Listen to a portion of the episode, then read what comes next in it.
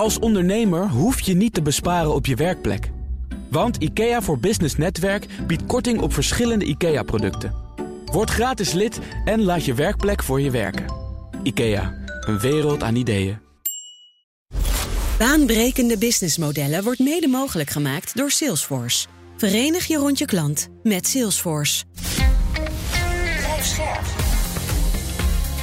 BNR Nieuwsradio. Baanbrekende businessmodellen. John en Patrick. Naam van jullie bedrijf. Citizen M. Op welk vernieuwend aspect van het hotel ben je het meest trots?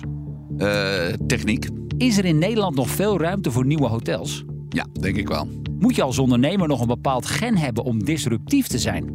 Uh, ja, innovatief uh, kunnen denken en inspelen op de markt. En beste Michael, welk probleem lossen jullie eigenlijk op? Ik denk dat wij voor een frequente reiziger het reizen eenvoudig hebben gemaakt. 100% bieden met een gelimiteerd product.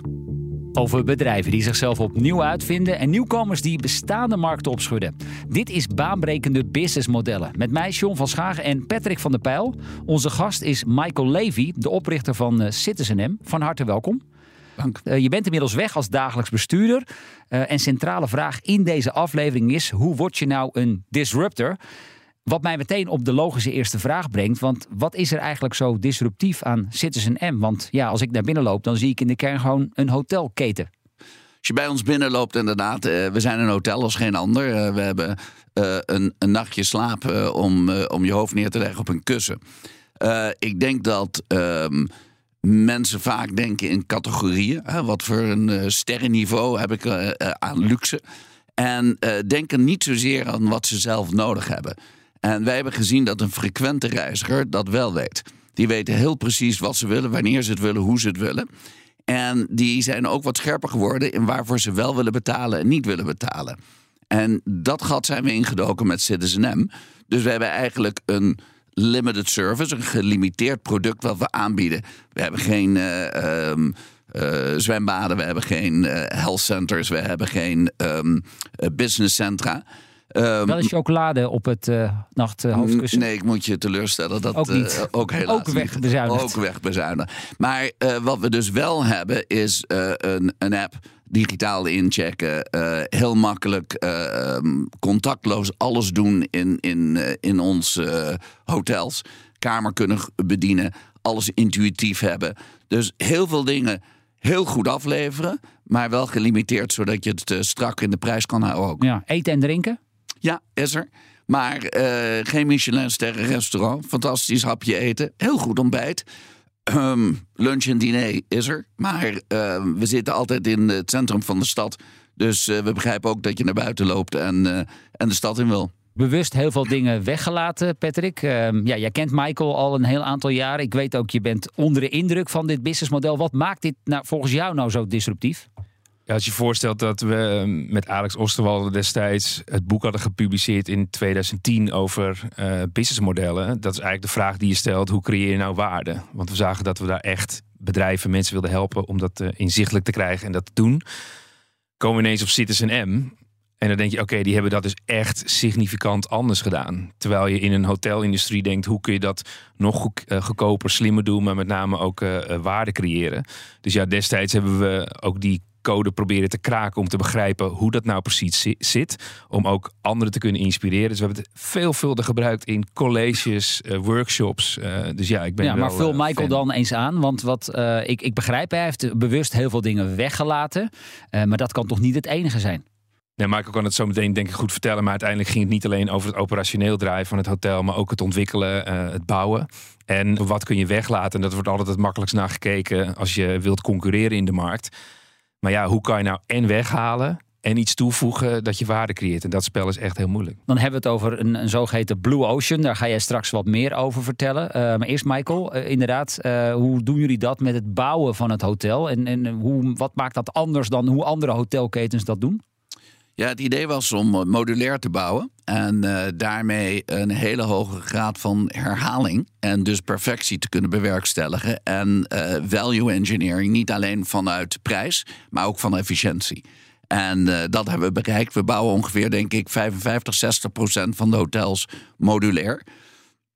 die hotels die we niet modulair bouwen, hebben natuurlijk wel die learning curve. Dus we kunnen heel snel kamers in elkaar zetten en hebben daar erg van geleerd. Maar ik denk waar je net op doelde, zijn het veranderen van businessprocessen. En heel vaak uh, wordt er gekeken naar een businessproces en vergeleken in de industrie. Wij zijn anders gaan denken. Voorbeeld daarvan zou zijn uh, de back of the house, housekeeping. Uh, heel vaak wordt er gecalculeerd wat is nou goedkoper om het in-house te doen of uh, out te sourcen. Wij hebben gezegd, laten we naar twee partners gaan. Een facilitair bedrijf en een schoonmaakbedrijf. Laten we hen een bedrijf doen waar wij de eerste klant van worden. En wij doen de complete outsourcing van de back of the house bij hen. En we betalen ze per kamer. Wat is daar de benefit van? Dat binnen onze hotels is de focus alleen maar gericht op de klant. Dus onze teams denken en doen alleen maar om die klant uh, tevreden te hebben. En hebben geen zorgen of het kamertje schoon is, of er wel een zeepje is of niet. Het wordt allemaal geregeld. Dus je, je pakt eigenlijk een mondain proces en je zet het toch zo op dat het een hele grote benefit heeft. En ik denk dat het goedkoper is uiteindelijk. Maar waar de grote benefit zit, iedereen die bij ons uh, in een hotel zit, zijn gefocust op de gast. Ja, en ben je daarmee ook automatisch uh, winstgevender, omdat je een, voor een lagere prijs hetzelfde product kunt aanbieden? Ja, ik denk dat winstgevendheid komt uiteindelijk uit gasttevredenheid. En uh, ja, we zijn apen trots. We hebben uh, jaren op 92,4% gedraaid. Hoogste zo'n beetje in de industrie.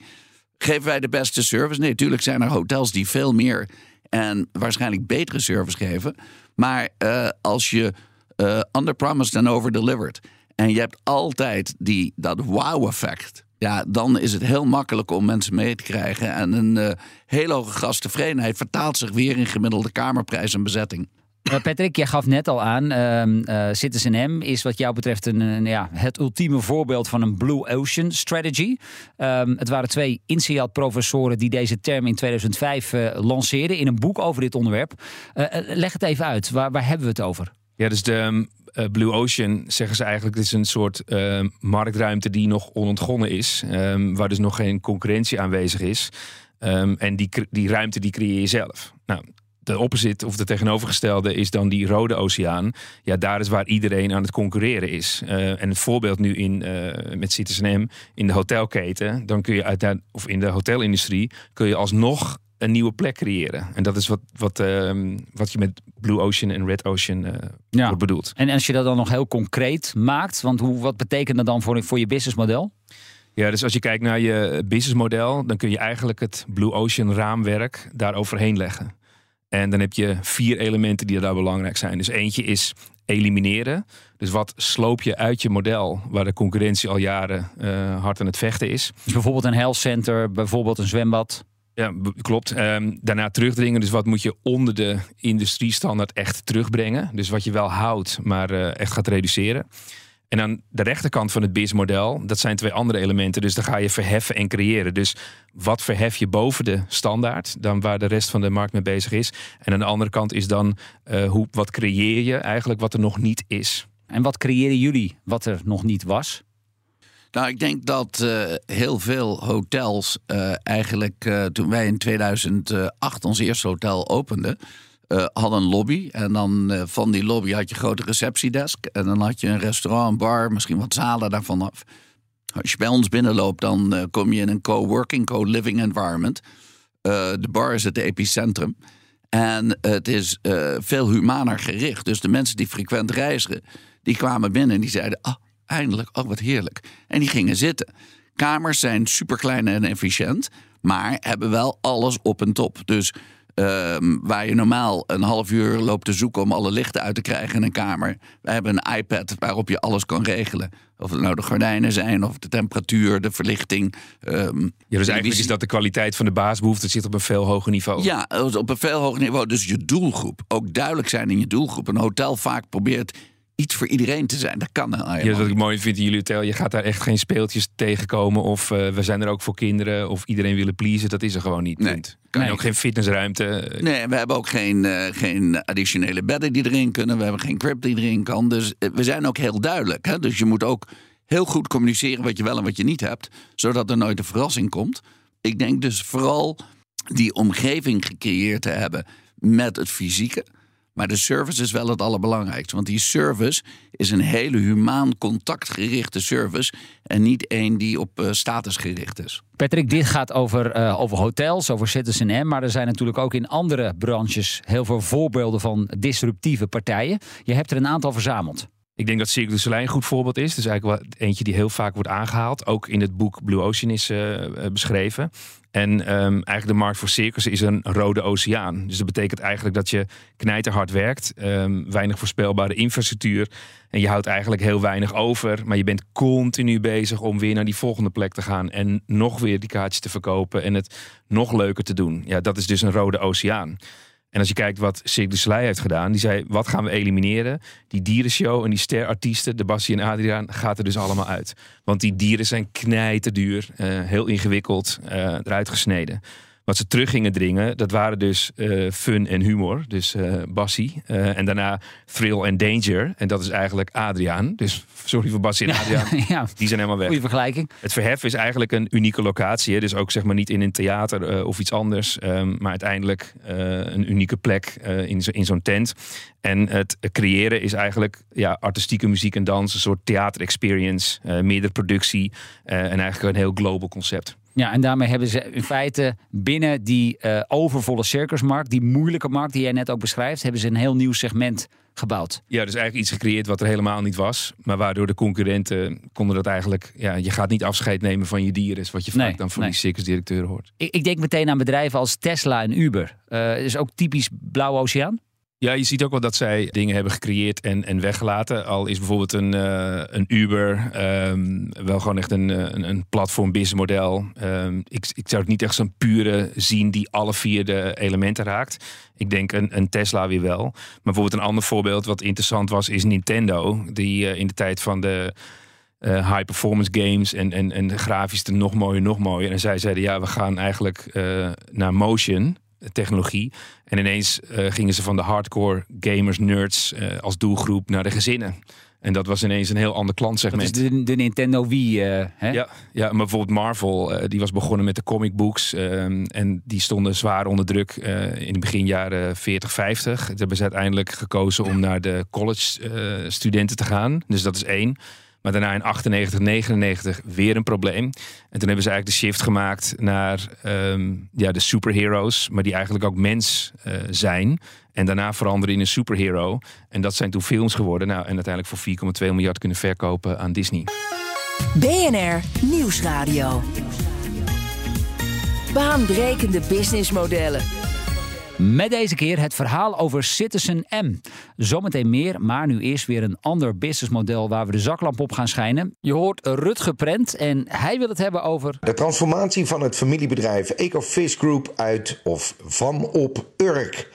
Wat een traditioneler uh, visserijbedrijf, familiebedrijf met kotters. Uh, die vingen vis Kotters zijn duur, hè, dus de vissersboten, de concessies om te mogen vissen zijn ook extreem duur.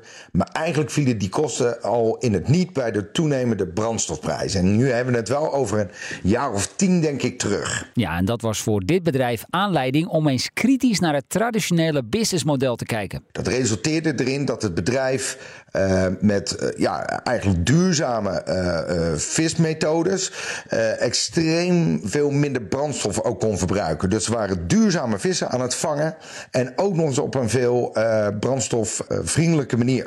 Het familiebedrijf heeft daarna vooral ook een paar hele mooie andere zaken gezet op het businessmodel. in plaats van je vis afleveren bij de vishandel en afwachten welke prijs je er vanuit de markt voor krijgt, is eigenlijk gewoon veel beter kijken dat dat duurzame kwaliteitsproduct misschien ook wel een veel betere markt verdiende.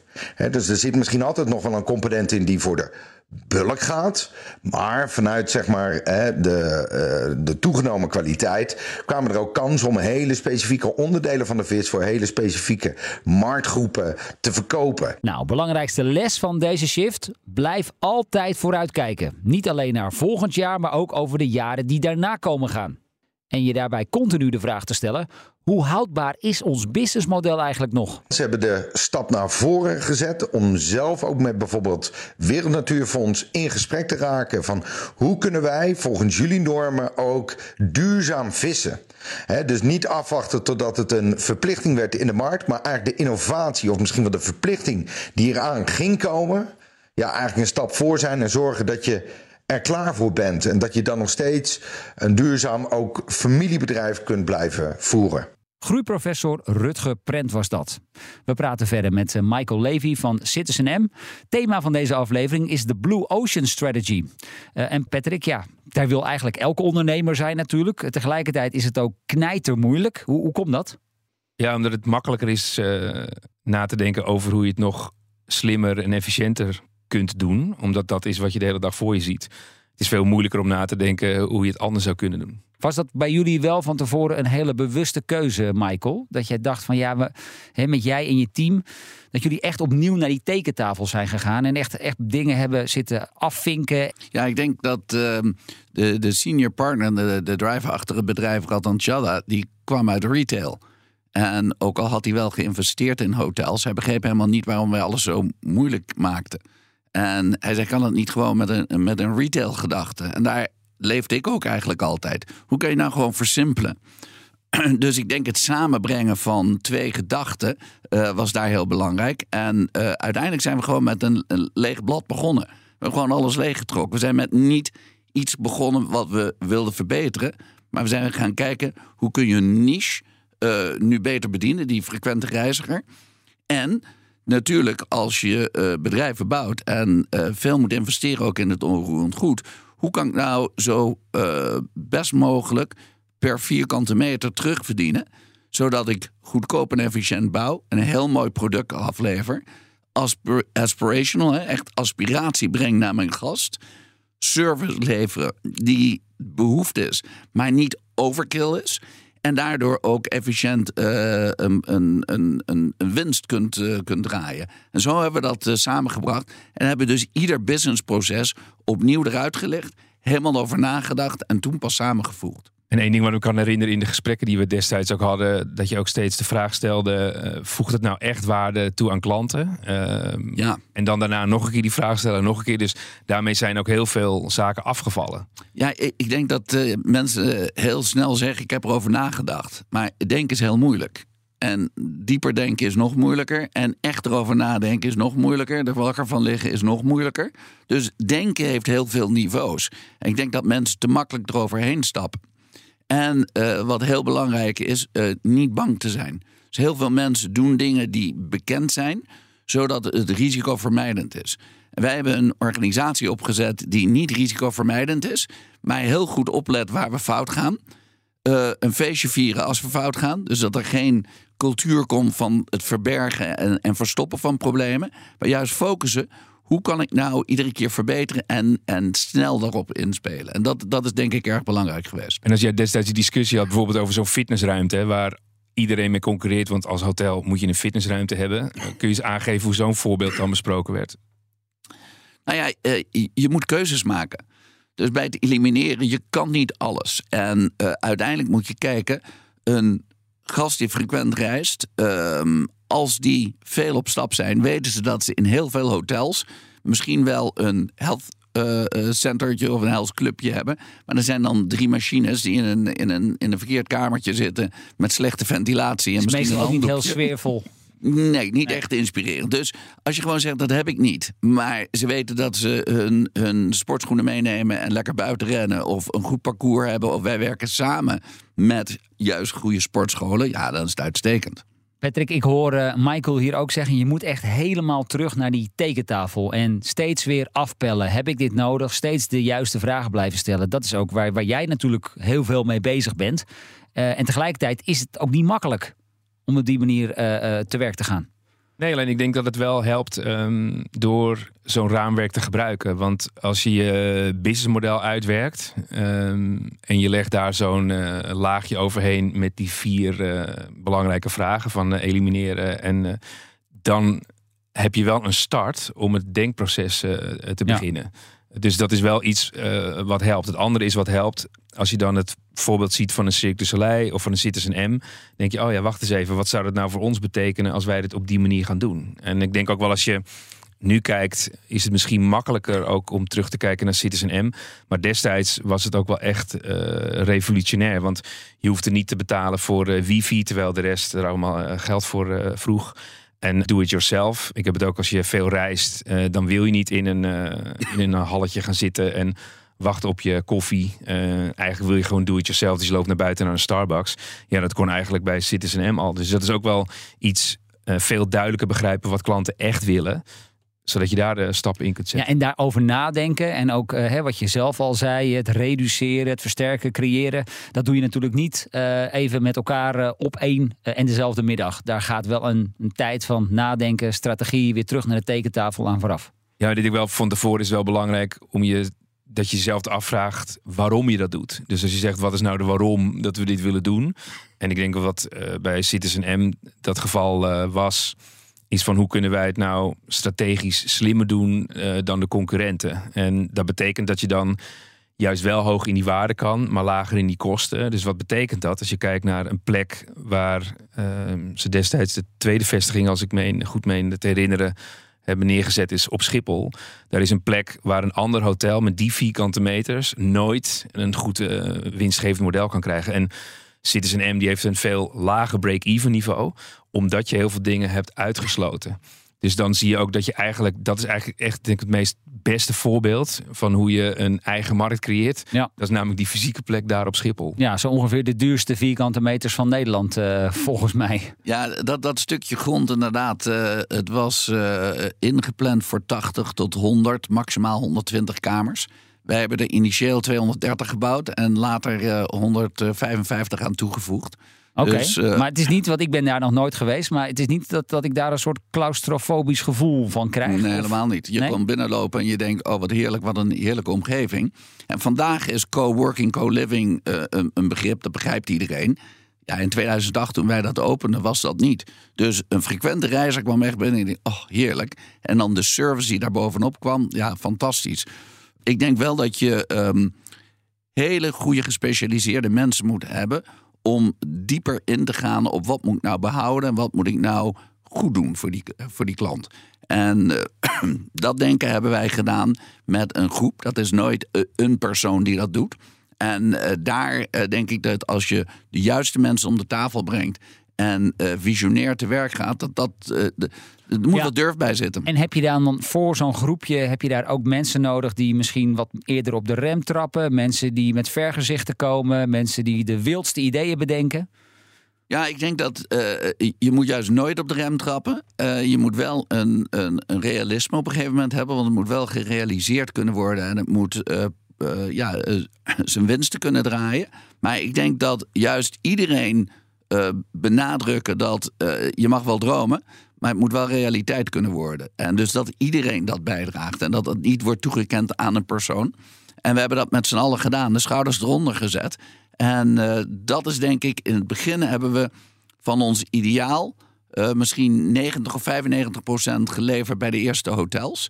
En nu zijn we doorgegroeid. En ik denk dat we nu op 120, 130 procent zitten van wat we ooit gedacht hadden omdat de evolutie erin heeft gezet. Ja, um, Zien jullie nog in bepaalde markten kansen voor zo'n Blue Ocean Strategy?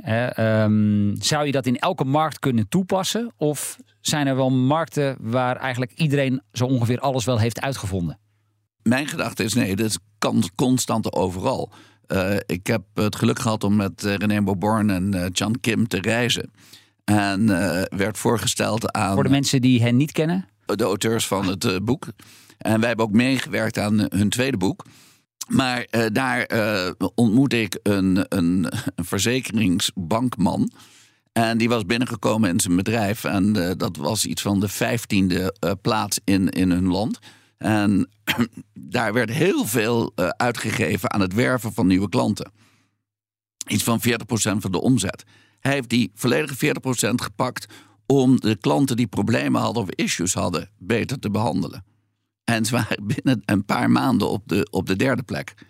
Dus het is gewoon constant anders denken. Betekent ook wat jij zegt eigenlijk dat je niet al die vier elementen altijd hoeft te doen. Maar je kunt wel ook een aantal eruit pakken en kijken hoe je dat anders zou kunnen doen. Ja, ik denk dat uiteindelijk je wel alle vier de elementen beetpakt als je het goed doet.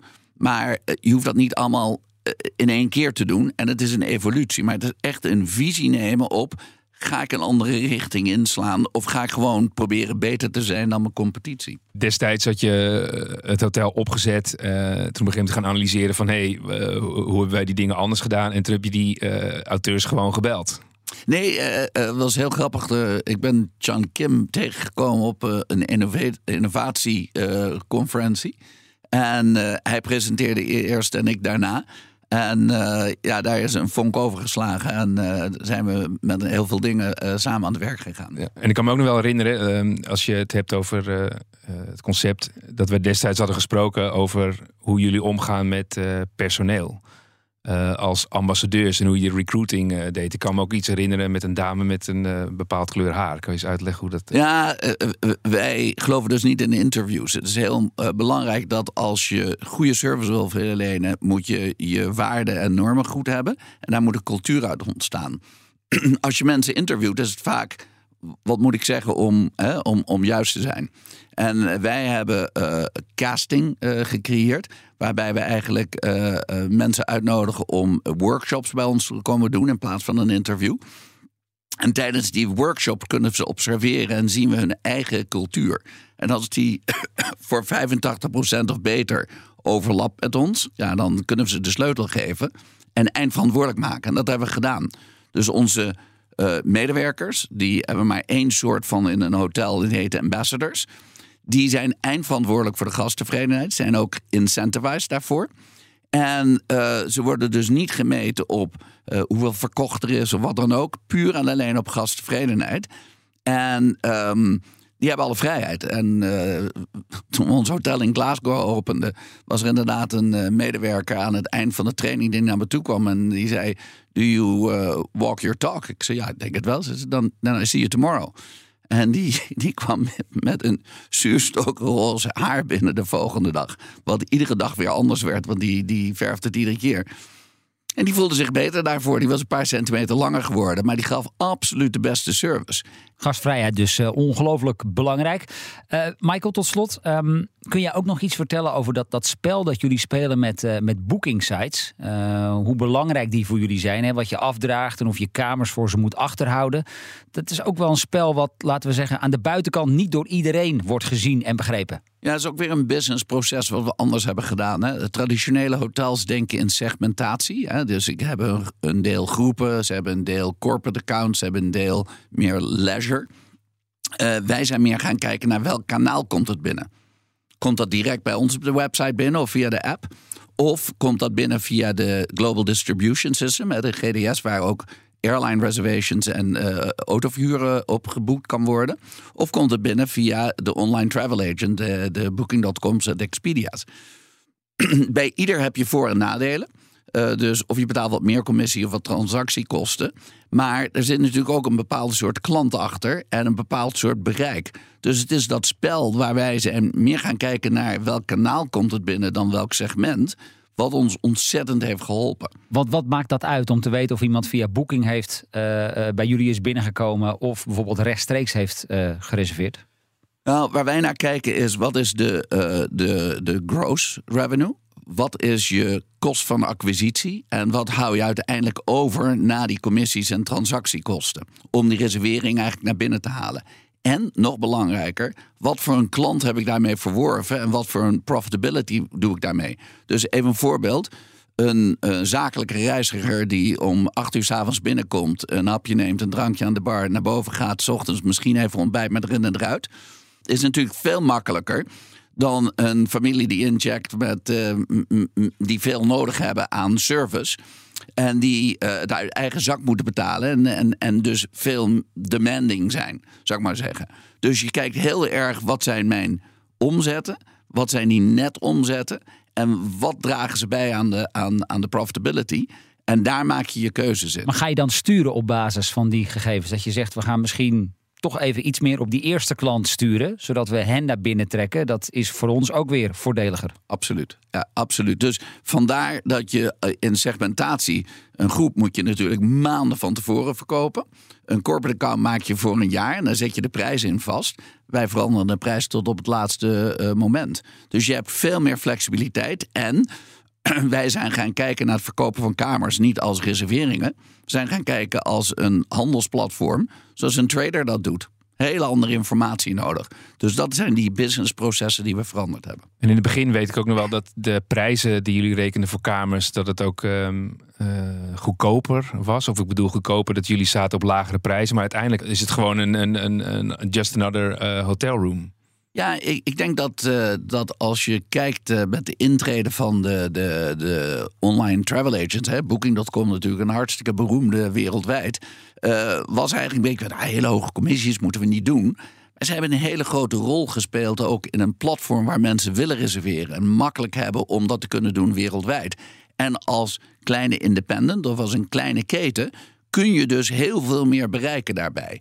Uh, is dat soms duur? Ja. Uh, draai je volume, dan krijg je het beter. Dus er zijn weer er, is, zijn keuzes te maken. En ik denk dat iedereen te veel is gaan doen zoals ze het altijd hebben gedaan, in plaats van nieuw.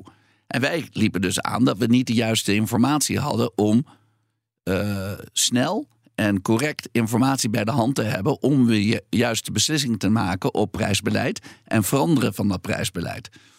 Nou, daar hebben we systemen voor gebouwd. Daar hebben we heel veel voor gedaan. En dat is denk ik het onderscheidende. Dus als je binnenloopt in de lobby, zijn we niet onderscheidend. Wel omdat het hartstikke mooi en kek is. Maar niet, het is nog altijd een hotel. Maar achter de schermen hebben we heel veel gedaan. Nog een andere vraag. Als je het hebt over een verdienmodel in de uh, hotelwereld. Het ontbijt. Soms uh, reken je 20, 25, 30 en bij W 40, 45 euro af. En dan heb je een croissantje en misschien een bolletje en een beetje jus. Ja, dat is, ik heb altijd het idee dat je wordt afgezet uh, daar. Ja, en hoe hebben jullie dat gedaan? Uh... Ja, we hebben gekeken dat ontbijt is iets wat je moet hebben. Hè, want iedereen staat op. Maar ontbijt is heel grappig. Namelijk mensen zijn op, uh, op cruise control. dus je, je, hebt mensen in drie categorieën, zeg ik altijd. Je hebt de, de fruit- en yoghurt dudes. Je hebt de mensen die een eitje willen. En je hebt mensen die uh, een, uh, een, een croissantje of een pain chocola willen. Nou, voor al die drie hebben wij een hele goede oplossing. We hebben altijd het vers fruit van, van het seizoen uh, aanwezig met een heerlijke yoghurt. We hebben een, een eigen recht en we hebben wat verschillende croissants, maar dat is dan ook de beste croissants. Een van onze partners is zelfs de croissant politie, want die moet echt helemaal goed kraas, uh, knisperend zijn en, uh, en, fantastisch. Dus we hebben een gelimiteerd ontbijt. Maar wat we hebben is echt uh, superklasse. En dan kun je het ook aanbieden voor een redelijke prijs. Patrick, tot slot. Um, deze aflevering ging over Blue Ocean Strategy met Citizen M als praktijkcase. Voor mensen die dit hebben geluisterd, wat moeten zij aan hun collega's doorvertellen? Wat moeten zij hebben onthouden van wat ze het afgelopen half uur gehoord hebben? Nou, ik denk dat het is altijd mogelijk, zoals uh, Michael ook zegt, om alsnog binnen jouw industrie met een vernieuwend businessmodel te komen. En één is, dat gaat je helpen als je voorbeelden gaat bekijken. Maar wij merken dat, dat in de voorbereiding op de uitzending, als jij naar Citizen M gaat, dan is dat moeilijk te zien. Ja. Dus voorbeelden kun je vinden door uh, iets als Citizen M of naar deze uitzending te luisteren. Maar het andere punt is ook als je dat Blue Ocean raamwerk gebruikt dan gaat je dat dus ook helpen. Dus dat betekent dat je niet uh, de meest creatieve geest moet zijn of uh, nou, een flinke joint moet opste opsteken. Maar uiteindelijk uh, kun je dat raamwerk toepassen. Dus dan kan iedereen dat. Alleen wat Michael zegt, dan moet je wel echt met veel meer mensen gaan doen en met elkaar echt dieper en op andere levels over nadenken. Elimineren, reduceren, versterken en creëren. Juist. Dankjewel Patrick en dankjewel ook Michael Levy van Citizen M voor jouw komst naar de studio. Uh, wij zijn er uiteraard volgende week weer. Wil je voor die tijd meer luisteren? Check dan zeker ook onze andere afleveringen. Die vind je op vrijwel alle bekende podcastkanalen. Tot volgende week. Baanbrekende businessmodellen wordt mede mogelijk gemaakt door Salesforce. Verenig je rond je klant met Salesforce. Als ondernemer hoef je niet te besparen op je werkplek. Want IKEA voor Business Netwerk biedt korting op verschillende IKEA-producten. Word gratis lid en laat je werkplek voor je werken. IKEA, een wereld aan ideeën.